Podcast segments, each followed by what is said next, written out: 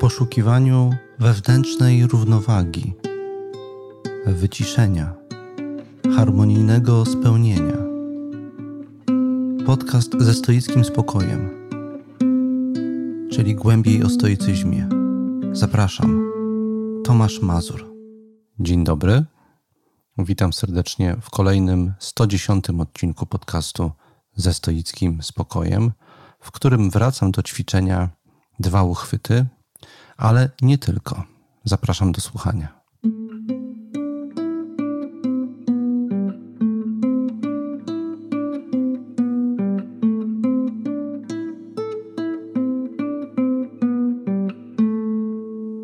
Pierwszą rzeczą, od której dzisiaj chciałem zacząć, to informacja i związane z nią podziękowania. W sobotę 24 lutego odbyło się kolejne stoisko. To było wczesnym, pięknym, słonecznym popołudniem, gościnnie w centrum Warszawy, w salonie Volvo to miało miejsce. Mm, I z tego miejsca chciałbym bardzo serdecznie podziękować wszystkim niespełna 40 uczestnikom i uczestniczkom tego niezwykłego spotkania. Po raz kolejny atmosfera, jaka mu towarzyszyła, przerosła nasze najśmielsze oczekiwania. Mam na myśli te oczekiwania, z jakimi kilka miesięcy temu w ogóle zabieraliśmy się do organizacji tych spotkań. Spodziewaliśmy się, że może być różnie. Tymczasem mm, okazało się, że wyszliśmy naprzeciw pewnej potrzebie dużej grupy ludzi, żeby w atmosferze życzliwości spotkać się, porozmawiać o ważnych rzeczach, podzielić doświadczeniami i pocieszyć się tym wspólnym poszukiwaniem odpowiedzi, tą wspólną intelektualną przygodą. I temu ostatniemu spotkaniu towarzyszył właśnie taki duch radosnej przygody, życzliwości poszukiwania, dzielenia się i inspirowania nawzajem. I bardzo jestem ja osobiście za to wdzięczny, bo to ciężko mi sobie wyobrazić spotkania, które byłyby dla mnie bardziej satysfakcjonujące niż takie właśnie spotkania. Wy też, mam na myśli uczestniki i uczestników, mam wrażenie, wychodziliście z, tak, z tego spotkania mocno zbudowani. I to jest chyba jeden z, naj, z najważniejszych skutków tego typu spotkań, kiedy my w zaciszu własnych duchowych komnat próbujemy się z różnymi wyzwaniami i próbujemy też różnych technik i ćwiczeń stoickich samodzielnie na podstawie tego, jak my coś zrozumieliśmy. To różnie wychodzi, raz dobrze, raz źle. Natomiast kiedy możemy spotkać się z innymi, którzy robią to samo, i zobaczyć, jak inaczej ktoś coś rozumie, jak inaczej ktoś coś robi, może się okazać i zazwyczaj okazuje się, że, że jakaś, jakiś element tej praktyki innej osoby mnie będzie bardziej odpowiadał niż to, co robiłem, robiłam. I mogę wziąć coś od tej osoby, mogę się czegoś nauczyć. Taka wymiana jest czymś najbardziej inspirującym i satysfakcjonującym i ona faktycznie w tą sobotę miała miejsce. Bardzo za to, za tą atmosferę, jaka towarzyszyła temu spotkaniu, dziękuję. Następne spotkanie będzie miało miejsce 16 marca. To będzie stoisko numer 5.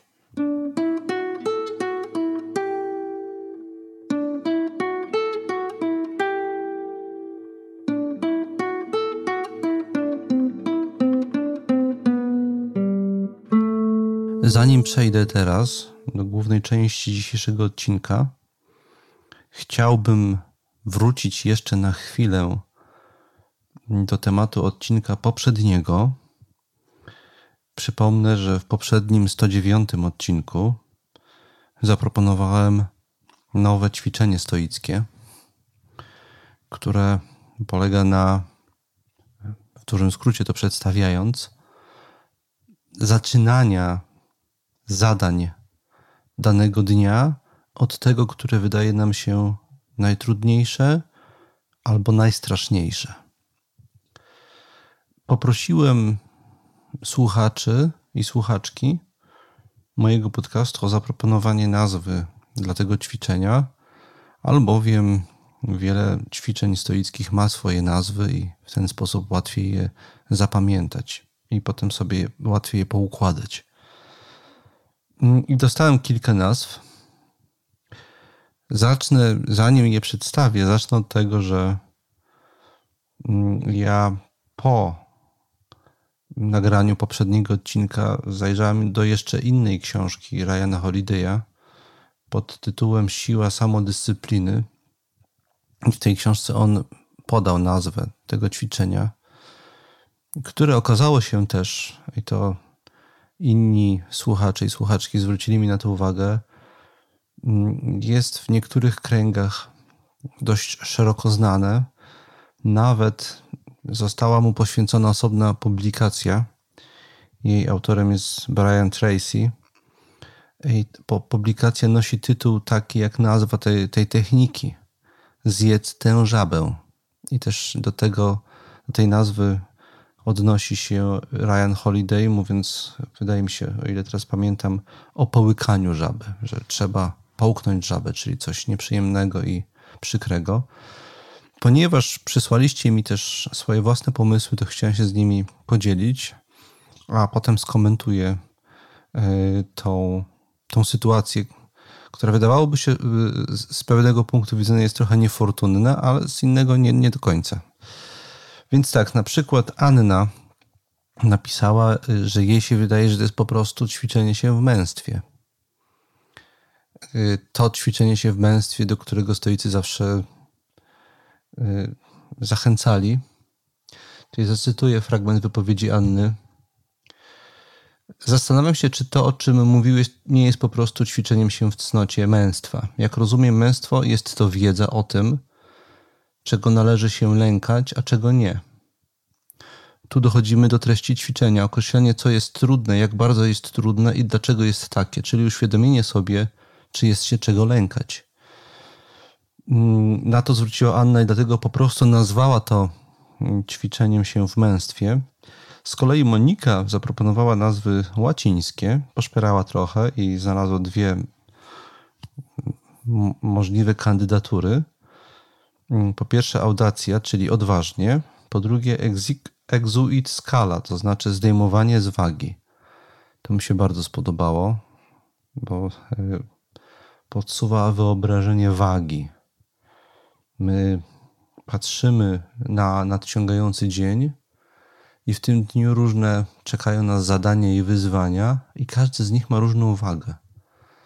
W zależności od, prawdopodobnie w zależności od skali lęku bądź zagrożenia, jakie z tą rzeczą dla nas się wiąże, ta waga jest inna.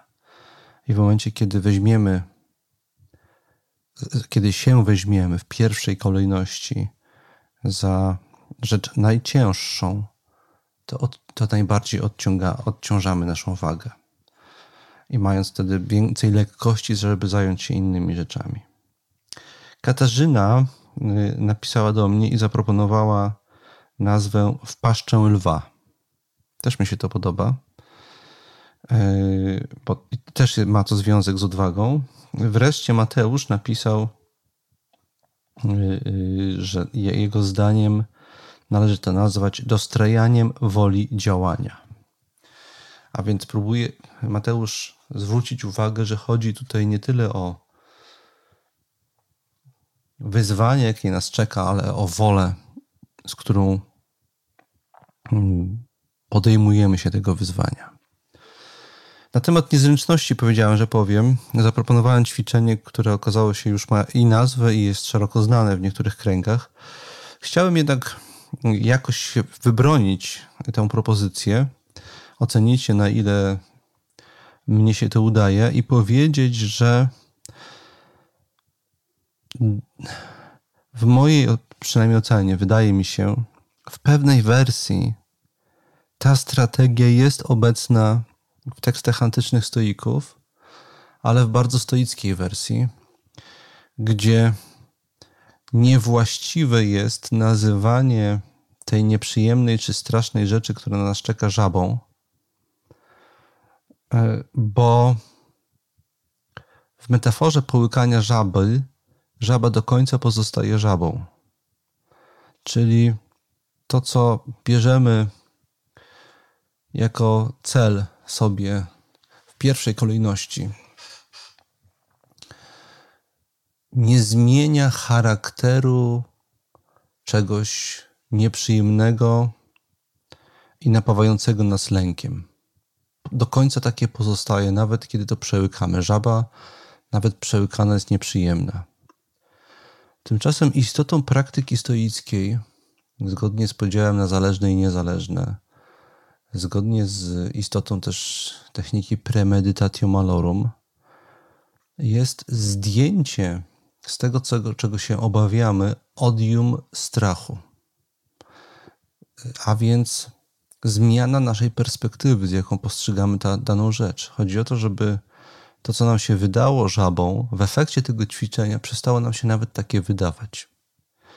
Stąd yy, sięgając do yy, Epikteta, ja mam jeszcze jedną propozycję nazwy, chociaż z tych przesłanych bardzo mi się podoba zdejmowanie wagi. Ale właśnie to, właśnie o zdejmowanie wagi tutaj chodzi. Bardzo też mi się podoba to, co Anna napisała o męstwie, że to jest właściwie ćwiczenie się w męstwie.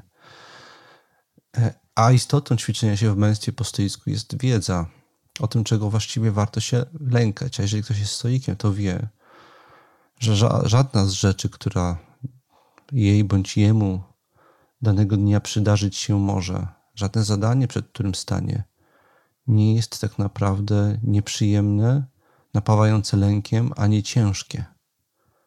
To nasze nastawienie i nasza ocena to sprawia. To zależy tylko od nas, jak będziemy na to patrzeć. I to możemy zmienić. E, dlatego sięgając do Epikteta, przyszła mi do głowy jeszcze inna nazwa. Zastanówcie się nad nią. Zdejmowanie maski. I zacytuję mm, Epikteta w tym kontekście z, z diatryb. Cytuję. To, co, jak widzisz, nieraz przytrafia się dzieciom, zdarza się również i nam, nieco większym dzieciom, gdy ludzi, których kochają, do których się przyzwyczaiły, z którymi się bawią, widzą ubranych w maski, boją się ich. Otóż należy zdjąć maski nie tylko ludziom, lecz i rzeczom, przywracając im ich właściwy wygląd. Po cóż ukazujesz mi miecze, ognie i złowrogo pomrukujący wokół ciebie tłum oprawców? Pozbądź się tej zewnętrznej wystawności, pod którą jesteś ukryta i straszysz nierozsądnych ludzi. Jesteś śmiercią, która, którą niedawno wzgardził mój niewolnik, którą zlekceważyła służebnica. Koniec cytatu. Ta maska, o której w tym fragmencie mówi Epiktet, to jest ta jedna z najstraszniejszych masek, gdzie on rekomenduje, żeby właśnie nie patrzeć na nią jako na maskę, tylko na to, co się pod nią skrywa. A nie, nie skrywa się w gruncie rzeczy pod nią nic groźnego. To jest to, co przytrafia się wszystkim od wieków i nas też musi wreszcie spotkać. I dopóty, dopóki tego nie zaakceptujemy, nie będziemy żyć jak wolni ludzie. Takie jest przesłanie Epikteta. E, ale to ma zastosowanie do wszystkich straszaków, które nas na co dzień otaczają. Siadamy rano podczas przeglądu siebie i planujemy sobie listę zadań i widzimy, że na tej liście jest coś, co wzbudza w nas największą niechęć, co najmniej chętnie byśmy chcieli zrobić, czego się z różnych powodów lękamy i chcielibyśmy od siebie odsunąć. To jest maska. Pod tą maską jest zwykłe zadanie, zwykła okoliczność życia każdego człowieka.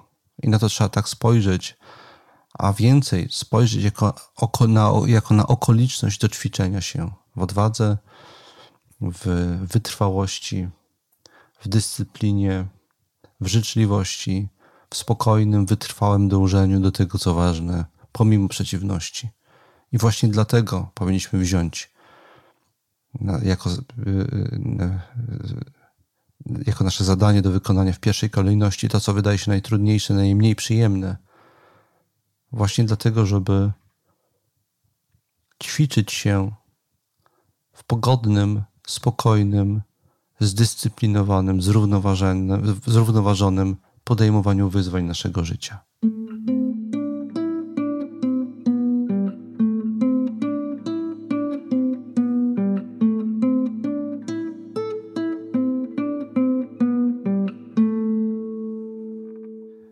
Teraz chciałbym przejść już do omówienia ćwiczenia, którego nazwa pochodzi wprost od Epikteta.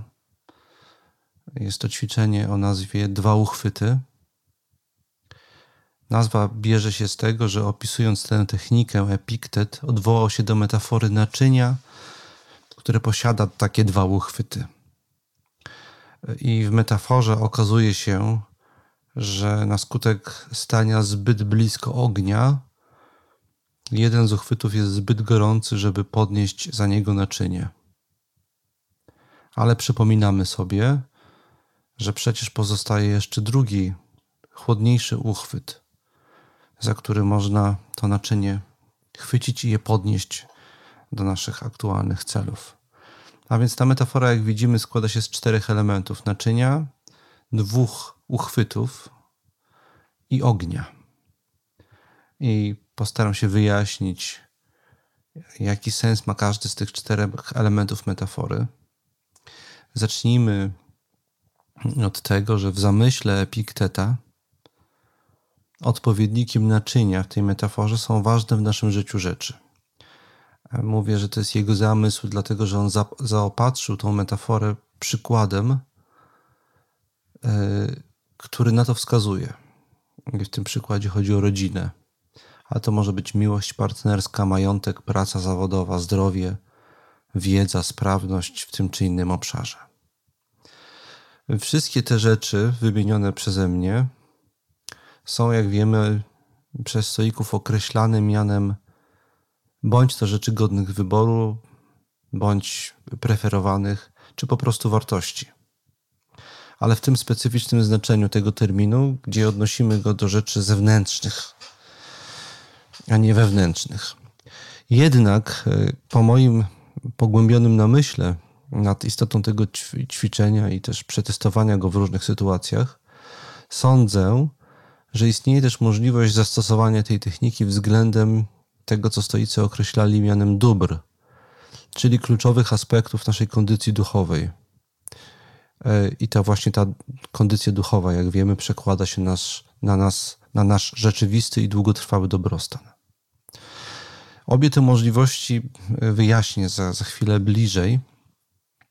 Na razie chcę podkreślić, że w obu przypadkach będzie chodziło o pewnego rodzaju rachunek, o swego rodzaju transakcję czy kalkulację, czyli o zdolność dostrzeżenia innej, bardziej dla nas korzystnej perspektywy spojrzenia na jakąś sytuację, gdzie gorący uchwyt, to jest drugi z wyjaśnionych przeze mnie elementów tej metafory, gorący uchwyt symbolizuje spojrzenie przez pryzmat doraźnej, krótkotrwałej reakcji emocjonalnej, podczas gdy uchwyt chłodny symbolizuje spojrzenie przez pryzmat bardziej długotrwałej perspektywy. Perspektywy wartości lub dobra, jaką dana rzecz ma dla nas w naszym życiu. I kluczową, kluczowym aspektem tego spojrzenia jest długofalowość tej perspektywy. Proponuję, żeby to ćwiczenie rozpisać na cztery etapy, po czym y, zaproponuję pokazanie działania tych etapów na przykładzie z, mo z mojego własnego życia. Mm, y, bo ja opisując sobie to ćwiczenie w kontekście zadania stoickiego, y, które przedstawiałem Wam w kilku poprzednich odcinkach podcastu, postanowiłem przetestować je na, na kilku konkretnych sytuacjach i opowiem, w jaki sposób to zrobiłem i w jaki sposób w ramach codziennego zadania stoickiego technikę dwóch uchwytów można praktykować. Zacznijmy od etapu pierwszego. Otóż, podobnie jak to ma miejsce w przypadku innych tak zwanych doraźnych ćwiczeń stoickich, Także przy praktykowaniu dwóch uchwytów powinniśmy zacząć od identyfikacji konkretnego problemu, czy stanu, w jakim się, w jakim się znaleźliśmy, problemu, z którym się borykamy. Jest więc istotne, żeby wyraźnie wyodrębnić coś, na przykład specyfikę danej emocji, jaka nas w danej chwili absorbuje. W pierwszym kroku staram się skupić tylko na tej konkretnej, absorbującej nas, nas emocji czy sytuacji i odseparować ją od, od wszystkiego innego. Czyli jeżeli to jest gniew, to spróbuj, próbujemy skupić się, tak jak w medytacji się skupiamy na przykład na jakimś specyficznym stanie naszej kondycji. Próbujemy skupić się tylko na tym gniewie, czyli tylko na tym gorącym uchwycie w punkcie wyjścia.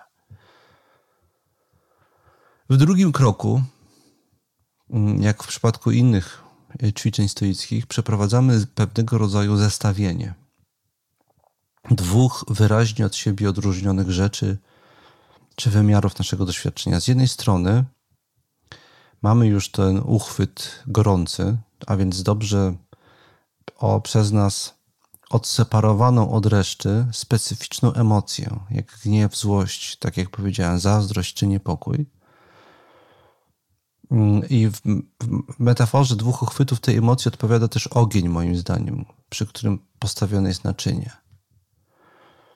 Następnie tą rzecz wyraźnie uchwyconą zestawiamy z tym, na co tu i teraz ta emocja wpływa. Zawsze bowiem przecież jesteśmy w jakiejś życiowej sytuacji, w jakiejś relacji z ludźmi, z rzeczami w świecie, z naszymi dalekosiężnymi planami i z nami samymi. Którego z tych aspektów naszego życia dana rzecz, dana emocja najbardziej dotyka, którą z nich najbardziej grzeje, jeżeli mogę tak powiedzieć. W przykładzie podanym przez Epiktetę, jak być może część z Was pamięta, chodzi o złość na brata. Emocje zawsze wobec czegoś. I ten brat w przypowieści Epikteta wyrządził nam jakąś przykrość. Ale to może być też frustracja na przykład z powodu niepowodzenia jakiegoś projektu w pracy, albo strach przed ośmieszeniem, przed jakimś gremium podczas ważnej prezentacji i tym podobne rzeczy. W etapie drugim, y, który teraz omawiam, ćwiczenia dwóch uchwytów, chodzi właśnie o umiejętne zestawienie danej emocji z daną ważną rzeczą w naszym życiu. Musimy zobaczyć jedno obok drugiego. I chodzi o tą daną rzecz w naszym życiu ważną, której jeden z uchwytów ta emocja podgrzała. Także nie możemy tej rzeczy za ten uchwyt tu i teraz unieść. Wydaje nam się bowiem, że nas ta emocja przerasta i za bardzo za sobą pociąga. I w przypadku przykładu z Epikteta, gniew na brata prowadzi do tego, że odsuwamy się od brata. Bo wydaje nam się, że relacji braterskiej jako całości z powodu tego gniewu nie możemy unieść. Tu kończy się etap drugi, który jest etapem zestawienia tych dwóch rzeczy. Relacji z bratem, na przykład, jako czegoś ważnego w naszym życiu, i gniewu na brata, jako rozgrzanego ucha połączonego z relacją z bratem. Na trzecim etapie, zestawiwszy już emocję z ważną dla nas długofalową rzeczą, na którą ona wpływa, należy skupić się właśnie na tej ważnej rzeczy. Czyli przestajemy myśleć o gniewie, tylko staramy się stanąć z boku tego gniewu i spojrzeć na coś innego. Istotą zabiegu mentalnego, jaki tutaj przeprowadzamy, jest właśnie przeniesienie uwagi z emocji i relacji, jaką ona ma względem tego, co tu i teraz jest dla nas długofalowo ważne, na konkretną wartość lub dobro. Tak jak e, w przypadku Epikteta, e, e, chodzi o tym, co jest ważne długofalowo, to chodzi o brata, o relację z bratem. Brat, który przez relację rodzinną jest dla nas ważny, sprawił nam przykrość. I ta przykrość jest ogrzanym uchwytem, tak jak powiedziałem. Jego przykre dla nas działania są natomiast są czymś, co nas trzyma przy tej emocji. Jednak jest jeszcze drugi uchwyt, a mianowicie relacja braterska. Epiktet napomina więc, że nie powinniśmy pozwolić, żeby doraźna przykrość przesłoniła nam to, co naprawdę i długofalowo ważne. A tym, co długofalowo ważne, jest podtrzymanie dobrej relacji, silnej więzi z bratem. Nie próbujmy więc, przypomina nam Epiktet, ująć zdarzenie od strony krzywdy, która jest rozgrzanym muchem, ale od strony braterstwa. Dlatego w tym trzecim etapie chodzi o to, żeby stanąć z boku emocji i pobyć trochę blisko, bliżej roli, jaką w naszym życiu ma dana ważna rzecz, zagrożona chwilową emocją. Pomyśleć chwilę o tym, co nas łączy z bratem w tym przypadku. Jak długo nas to łączy i jak długo chcielibyśmy, żeby nas łączyło. W wersji tego ćwiczenia opisanej przez Epikteta, ono się w zasadzie na tym etapie kończy. On zakłada, że jeżeli sobie zrobimy to zestawienie, to z samego tego faktu wynika, że łatwiej nam będzie potem zapomnieć o krzywdzie, oddalić od siebie urazę, urażoną, urażoną dumę na przykład i wyciągnąć rękę jako pierwsza osoba w relacji, rękę na zgodę. Jednak, żeby głębiej osadzić działanie tego ćwiczenia w praktyce stoickiej, moim zdaniem zalecane jest właśnie w tym miejscu medytacyjne zatrzymanie się nad rzeczą, która w tej sytuacji jest przez nas rozpoznana jako długofalowo ważna. W przypadku wartości takich jak relacje z bliskimi, zdrowie czy majątek, zatrzymanie polega na przedstawieniu sobie wyobraźni tego stanu rzeczy, takiego stanu rzeczy, w którym dana wartość ma się możliwie najlepiej w naszym życiu. Bez względu na to, czy ten stan jest przeszły, teraźniejszy czy przyszły. Częścią tego wyobrażenia E, taki jest mój pomysł, jest wola, żeby ten optymalny stan był osiągalny, jeśli jeszcze nie jest osiągnięty, i żeby trwał możliwie długo. Mając to na uwadze, można sobie zadać następnie pytanie, na ile gorący uchwyt nam w tym pomaga, a na ile przeszkadza. Trzeba sobie bardzo wyraźnie powtarzać i jasno uzmysłowić, że gorący uchwyt w żaden sposób nie pomaga nam, a może nam przeszkodzić w realizacji tej ważnej wartości w naszym życiu.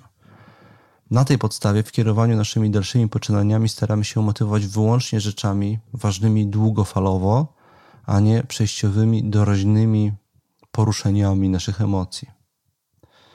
Wspomniałem wcześniej, że tą technikę dwóch uchwytów można i należy stosować w odniesieniu do dóbr, a nie tylko względem wartości. Różnica polega na tym, że uwagę koncentrujemy na jakimś aspekcie optymalnej wewnętrznej kondycji naszej refleksyjności, jako gwarancie czy synonimie trwałego dobrostanu. I następnie, zrobiwszy to, zestawiamy korzyści tkwienia w silnej emocji z korzyściami pracy nad długofalowym dobrostanem. Zrozumienie, że zrzymanie się na jakąś przejściową trudność czy przeciwność życiową nic w gruncie rzeczy nie daje w kontekście tego, co na głębszym poziomie jest naszym właściwym życiowym celem, sprawia, że ten drugi uchwyt pojawia się w zasięgu naszego wzroku. Przez co też zyskujemy zdolność ujęcia naszej bieżącej życiowej sytuacji z tej właśnie perspektywy. Problem z, ze znalezieniem się w, w, stanie silnego wzburzenia polega na tym, że tracimy z pola widzenia drugi, chłodniejszy uchwyt. I dzięki takiemu dzięki próbie medytacyjnego pobycia przy wartości, która jest dla nas długofalowo ważna, a w przypadku dobra, przy refleksyjności, przy poczuciu dobrostanu i pogody ducha, które to stany są dla nas długofalowo ważne. Pobycie medytacyjnie, refleksyjnie przy tym zobaczenie tego stanu, wyobrażenie go sobie, wyobrażenie sobie siebie tkwiącego długo w tym stanie, sprawia, że w polu naszego wzroku pojawia się chłodny, chłodny uchwyt, za który daną sytuację możemy dźwignąć i powiedzieć sobie: Szkoda mi tracić kontaktu ze sobą i z tym, co jest dla mnie ważne, a to się właśnie dzieje. Ale tak jak powiedziałem, żeby to się udało, trzeba na chwilę wyjść z tej sytuacji i zrobić sobie to zestawienie w głowie tego, co czujemy w bieżącej sytuacji, jako emocje i jak ono wpływa na coś, co jest dla nas długofalowo ważne. To już w zasadzie zacząłem podsumowanie. Y, teraz chciałem jeszcze dalej trochę pójść z tym podsumowaniem i chciałem je omówić y, na przykładzie konkretnym z życia wziętym.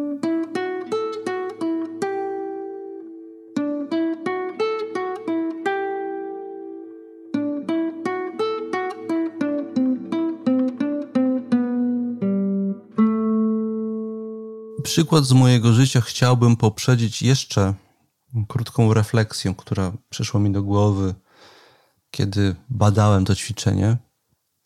Wydaje mi się, że ono pozwala lepiej zrozumieć specyfikę współczesnej stoickiej pracy nad sobą. Lepiej pozwala ją zrozumieć w kontekście współczesnego stanu wiedzy o człowieku. Otóż tą specyfikę wyznaczają dwie lub przy pewnej szerszej interpretacji trzy linie frontu, na jakich jednocześnie dzisiaj prowadzimy działania duchowe.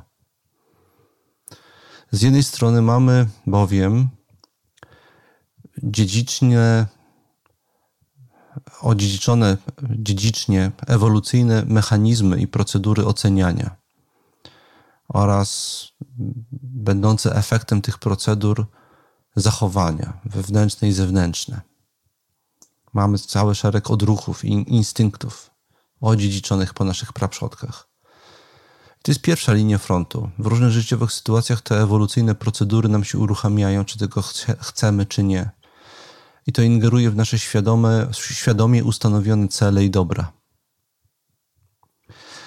Z drugiej strony posiadamy zestaw innych wpojonych nam później, we wczesnym dzieciństwie, analogicznych schematów oceniania i postępowania, które bądź wzmacniają nasze uwarunkowanie ewolucyjne, bądź też wchodzą z nim w jakiś konflikt, generując w naszym życiu poczucie napięcia i dyskomfortu.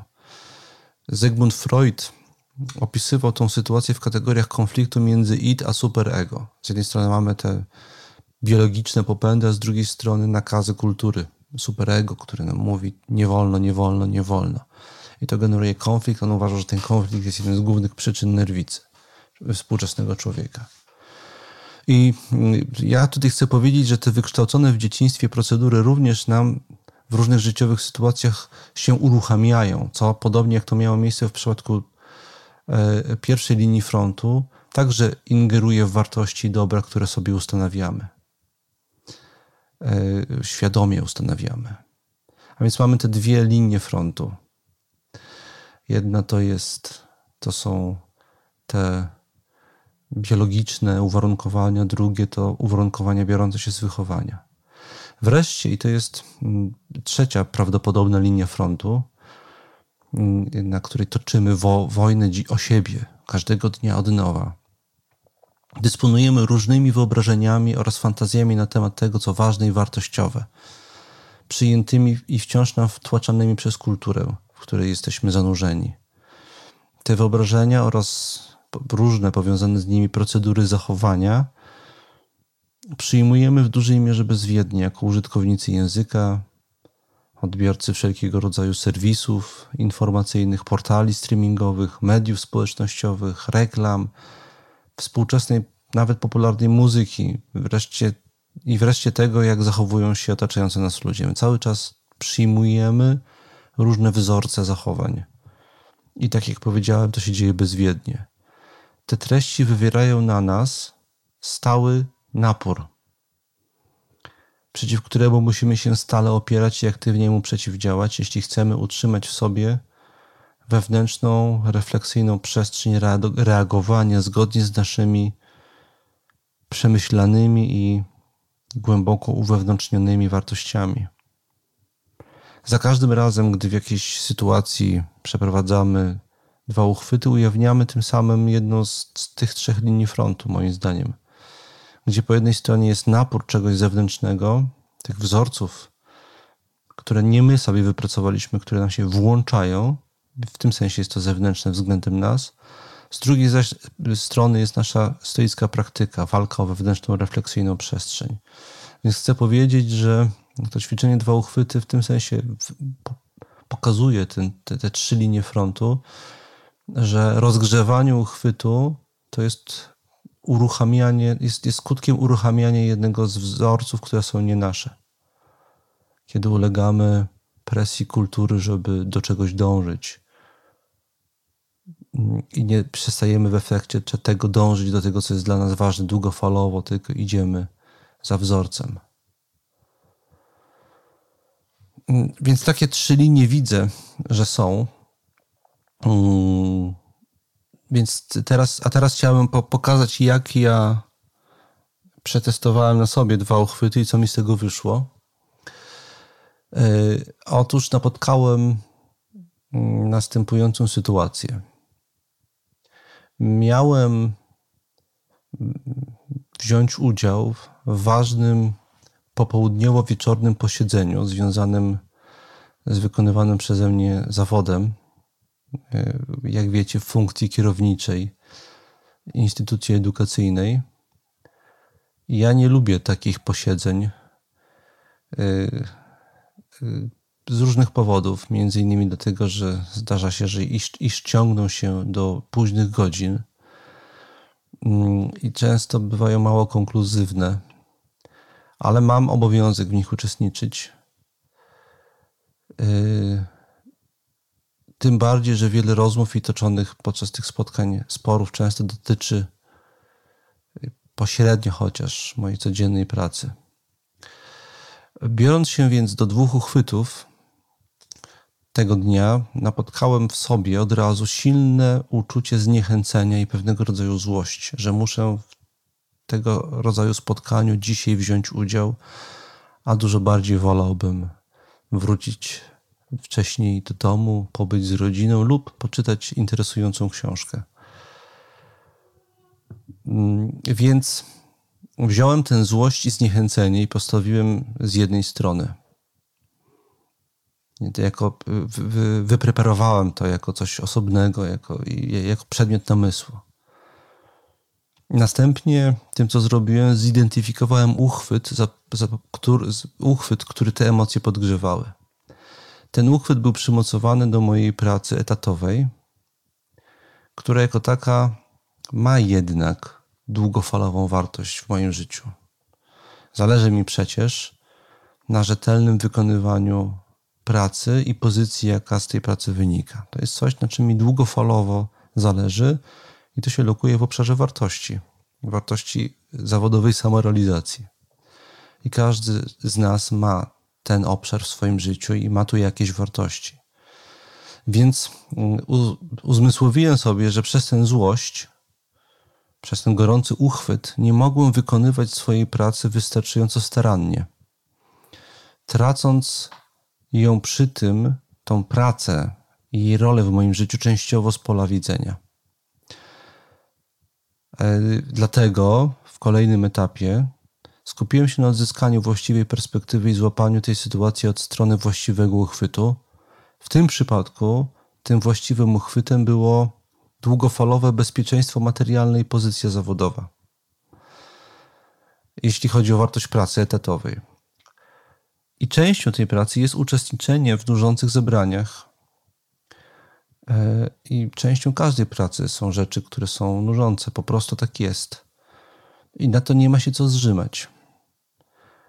Natomiast jeśli chodzi o dobro, gdybyśmy chcieli spróbować też to ująć z tej perspektywy, to właściwym w tym przypadku chłodnym uchwytem jest trening wytrwałości, obowiązkowości i sumienności. I właśnie nieciekawe, rutynowe obowiązki zawodowe dostarczają doskonałej, podkreślam to, doskonałej sposobności do ćwiczenia tych cech stoickich, które są dobrami, dzięki którym potrafimy zachować spokój i pogodę ducha w różnych życiowych sytuacjach. Przeprowadzenie dwóch uchwytów w ten sposób pozwoliło mi yy, w znacznie większym stopniu spokoju, ze znacznie większym spokojem i dystansem wziąć udział w yy, planowanym posiedzeniu. Wytrwałem dzielnie do końca, wytrwałem w stanie cały czas dużej uważności i obecności. I przypadkiem tego dnia to się okazało bardzo potrzebne, bo pod koniec zebrania miała miejsce dyskusja, w której musiałem zabrać głos. I to była, był głos w istotnej sprawie, ważnej z punktu widzenia funkcjonowania całej organizacji. E, I ten głos przyczynił się do ukierunkowania rozmowy w inną stronę niż by poszła, gdyby, gdybym tego głosu nie zabrał mówiąc oględnie. E, I gdybym był w trakcie spotkania poirytowany i znużony, prawdopodobnie by mi to umknęło. Nie zabrałbym tego głosu. Więc taki był efekt i przebieg zastosowania dwóch uchwytów w przypadku moim własnym. Mm, I to się udało w miarę dobrze, między innymi dlatego, że ja tą technikę miewam, ćwiczę czasami na sucho. I najbardziej dogodnym momentem ćwiczenia jej na sucho jest wieczór, kiedy robimy sobie podsumowanie dnia mm, i zastanawiamy się, w których momentach dnia nie postąpiliśmy w sposób optymalny i dlaczego. Odtwarzamy w sobie wtedy w głowie kluczowe momenty, i wtedy można na sucho, już abstrahując od sytuacji, spróbować zastosować dwa uchwyty do takiej konkretnej, zapamiętanej w ciągu, w ciągu dnia sytuacji. Zastanowić się, yy, dlaczego jakiej rzeczy nie, nie udźwignąłem i postąpiłem w tej sytuacji inaczej niż by moje standardy na to wskazywały i odpowiedzią na pytanie, dlaczego w tym przypadku jest gorące ucho. Czyli trzeba sobie zadać pytanie, co w tym przypadku było, było tym gorącym uchem, które sprawiło, że, że nie udało mi się postąpić właściwie, bo nie zauważyłem chłodnego ucha, ale ono gdzieś tam zawsze jest. I wieczorem możemy sobie to przećwiczyć i namazać chłodne ucho w wyobraźni. I taka te, tak, takie powtarzanie tej, techniki wieczorem sprawia, że następnym razem, kiedy nam się coś takiego przydarzy, zwiększa się prawdopodobieństwo na skutek przećwiczenia tego w umyśle, w wyobraźni, zwiększa się prawdopodobieństwo, że kiedy podobną sytuację napotkamy, to dostrzeżemy chłodne ucho i dosięgniemy go. Taka jest moja relacja.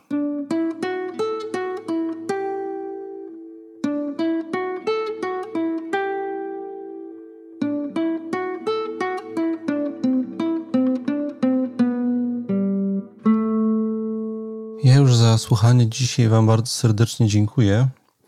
Y, zapowiem jedną rzecz, zgodnie z tym, co zapowiadałem już zresztą wcześniej. W następnych dwóch odcinkach będzie kolejna wycieczka poza stoicyzm, ale z wyraźnymi akcentami stoickimi. Zaczniemy od uczty Platona, który jest dialogiem o miłości i w tym następnym odcinku będę chciał opowiedzieć, przedstawić możliwe interpretacje tego dialogu i interpretację platońskiej teorii mi miłości i przy okazji pokazać na tyle, na ile to jest możliwe, pewne podobieństwa i różnice między podejściem stoickim i podejściem platońskim, gdzie stoicyzm jest w platonizmie zakorzeniony, a gdzie od niego odchodzi. Mm, I przy okazji też, to jest tych okazji to jest wiele do omówienia różnych zagadnień, chciałbym trochę opowiedzieć o miłości, bo tematem uczty jest miłość mm, i to prowokuje, żeby podjąć po raz kolejny wątek miłości po stoicku. Czym się różni miłość w rozumieniu romantycznym od miłości w rozumieniu platońskim i od miłości w rozumieniu stoickim? Jakie można mieć do stoickiego modelu miłości zarzutu, zarzuty, w szczególności z punktu widzenia współczesnego modelu kochania? Jak można im odpowiadać tym zarzutom, pokazywać na czym w istocie polega miłość po stoisku i jaka jest jej specyficzna i unikalna wartość i dlaczego warto taką miłość w, swoim życiu pielęgnować. Mam nadzieję, że zmieszczę te wszystkie wątki w tym kolejnym odcinku podcastu. Tak to sobie planuję. Możliwe, że w efekcie trzeba będzie nagrać dwa odcinki, więc z tym też się liczcie. Zapraszam do słuchania tego następnego odcinka. Z zapowiedzi to chciałem też powiedzieć, powiedziałem, że będzie następne stoisko. Dziękuję za wszystkie maile dotyczące różnych spraw. Staram się na nie odpowiadać. Nie zawsze mi się, jak wiecie, udaje. Natomiast na jedną rzecz jednego ze słuchaczy chciałem y, teraz zareagować, jakoś się skomentować. Tam było pytanie o więcej informacji na temat tego, prośba o podanie większej ilości informacji na temat tego, co się stanie z wami, dla was, słuchacze i słuchaczki, kiedy ja już osiągnę próg y, zdefiniowany na Patronite miesięcznych wpłat na wysokości 8 tysięcy. Ja obiecałem, że jak osiągnę ten próg, to dużo się zmieni i to opisałem w tym progu, więc te, te osoby, które są zainteresowane, co by się wtedy zmieniło, to przeczytajcie sobie opis tego progu. Teraz powiem o tym, y, co na pewno chciałbym zmienić, a co ma związek z ostatnim stoiskiem, bo też w kuluarach, w rozmowach po stoisku padały takie prośby i propozycje żeby robić stacjonarne spotkania częściej. Kiedyś prowadziłem dwie zamknięte grupy stoickie. Raz i spotykaliśmy się, każda z nich spotykała się raz w tygodniu. Uczestnicy i uczestniczki tych starych grup stoickich sprzed wielu lat, zanim jeszcze zostałem dyrektorem szkoły, one były na tym spotkaniu stoickim y, w tą minioną sobotę. Mm, I pamiętają te spotkania. Tam było kilkoro tych osób. I te spotkania y, są przez nich wspominane z dużym sentymentem i potrzebą. Ale też nowe osoby, które pojawiły się w kręgu zasięgu oddziaływania stoicyzmu, zgłaszają taką prośbę. Te spotkania wtedy się odbywały bardziej kameralnie, między 10 a 15 osób było w każdej grupie y, i my podejmowaliśmy kolejne tematy filozoficzny na tych spotkaniach, ale także funkcją tych spotkań było, żeby dzielić się na bieżąco swoimi różnymi sytuacjami, problemami i tym, jak optymalnie sobie z nimi po, po stoisku radzić. Więc to można było powiedzieć, była też swego rodzaju stoicka grupa wsparcia. Mm, wydaje mi się, że jest taka potrzeba duża. E, stoicko-filozoficzna, cotygodniowa grupa wsparcia. E, I jak już Y, osiągnę cel, który sobie zdefiniowałem na Patronite, uwolnienia się ku stoicyzmowi i zajmowanie się tylko stoicyzmem, chciałbym takie grupy inicjować i prowadzić je bądź ja, bądź przekazywać prowadzenie osobom już do tego dobrze przygotowanym. Więc to jest jedna z tych zapowiedzi nowych, które mi przyszło do głowy, że chciałbym to robić. Na chwilę obecną nie mam na to w ogóle czasu. Ledwo się ze wszystkim wyrabiam z tym, co teraz mam, a chciałbym mieć dużo czasu na stoicyzm. Bo jest wiele rzeczy, moim zdaniem, które trzeba, warto by tutaj robić. E, bardzo dziękuję, tak jak powiedziałem, za maile, za pytania, za komentarze, za propozycje nazwy dla ćwiczenia. E, jak ktoś zastosuje przegląd siebie, przepraszam, nie przegląd siebie, tylko dwa uchwyty i coś ciekawego y, z tego tej osobie wyjdzie, to też proszę o relację. Y, może uda mi się ją zmieścić w następnym odcinku podcastu, opowiedzieć o niej. Y, bardzo dziękuję wszystkim patronom i patronkom, który, którzy w niektórych przypadkach bardzo hojnie mnie wspierają. I dzięki Wam praca nad tym podcastem jest możliwa. Z tym też są związane, jak się domyślacie, różne koszty, mm, ale także dzięki Wam przybliżam się stopniowo do tego celu uwolnienia, o którym mówiłem.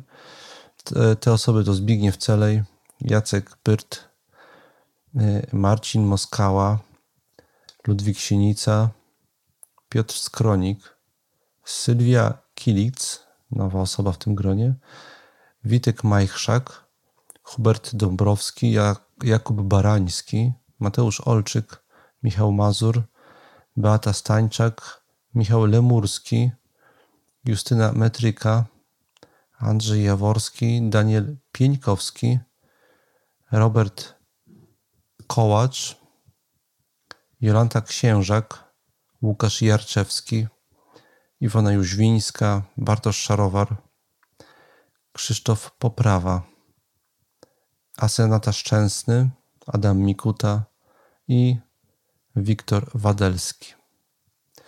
To są najbardziej hojni z patronów i patronek.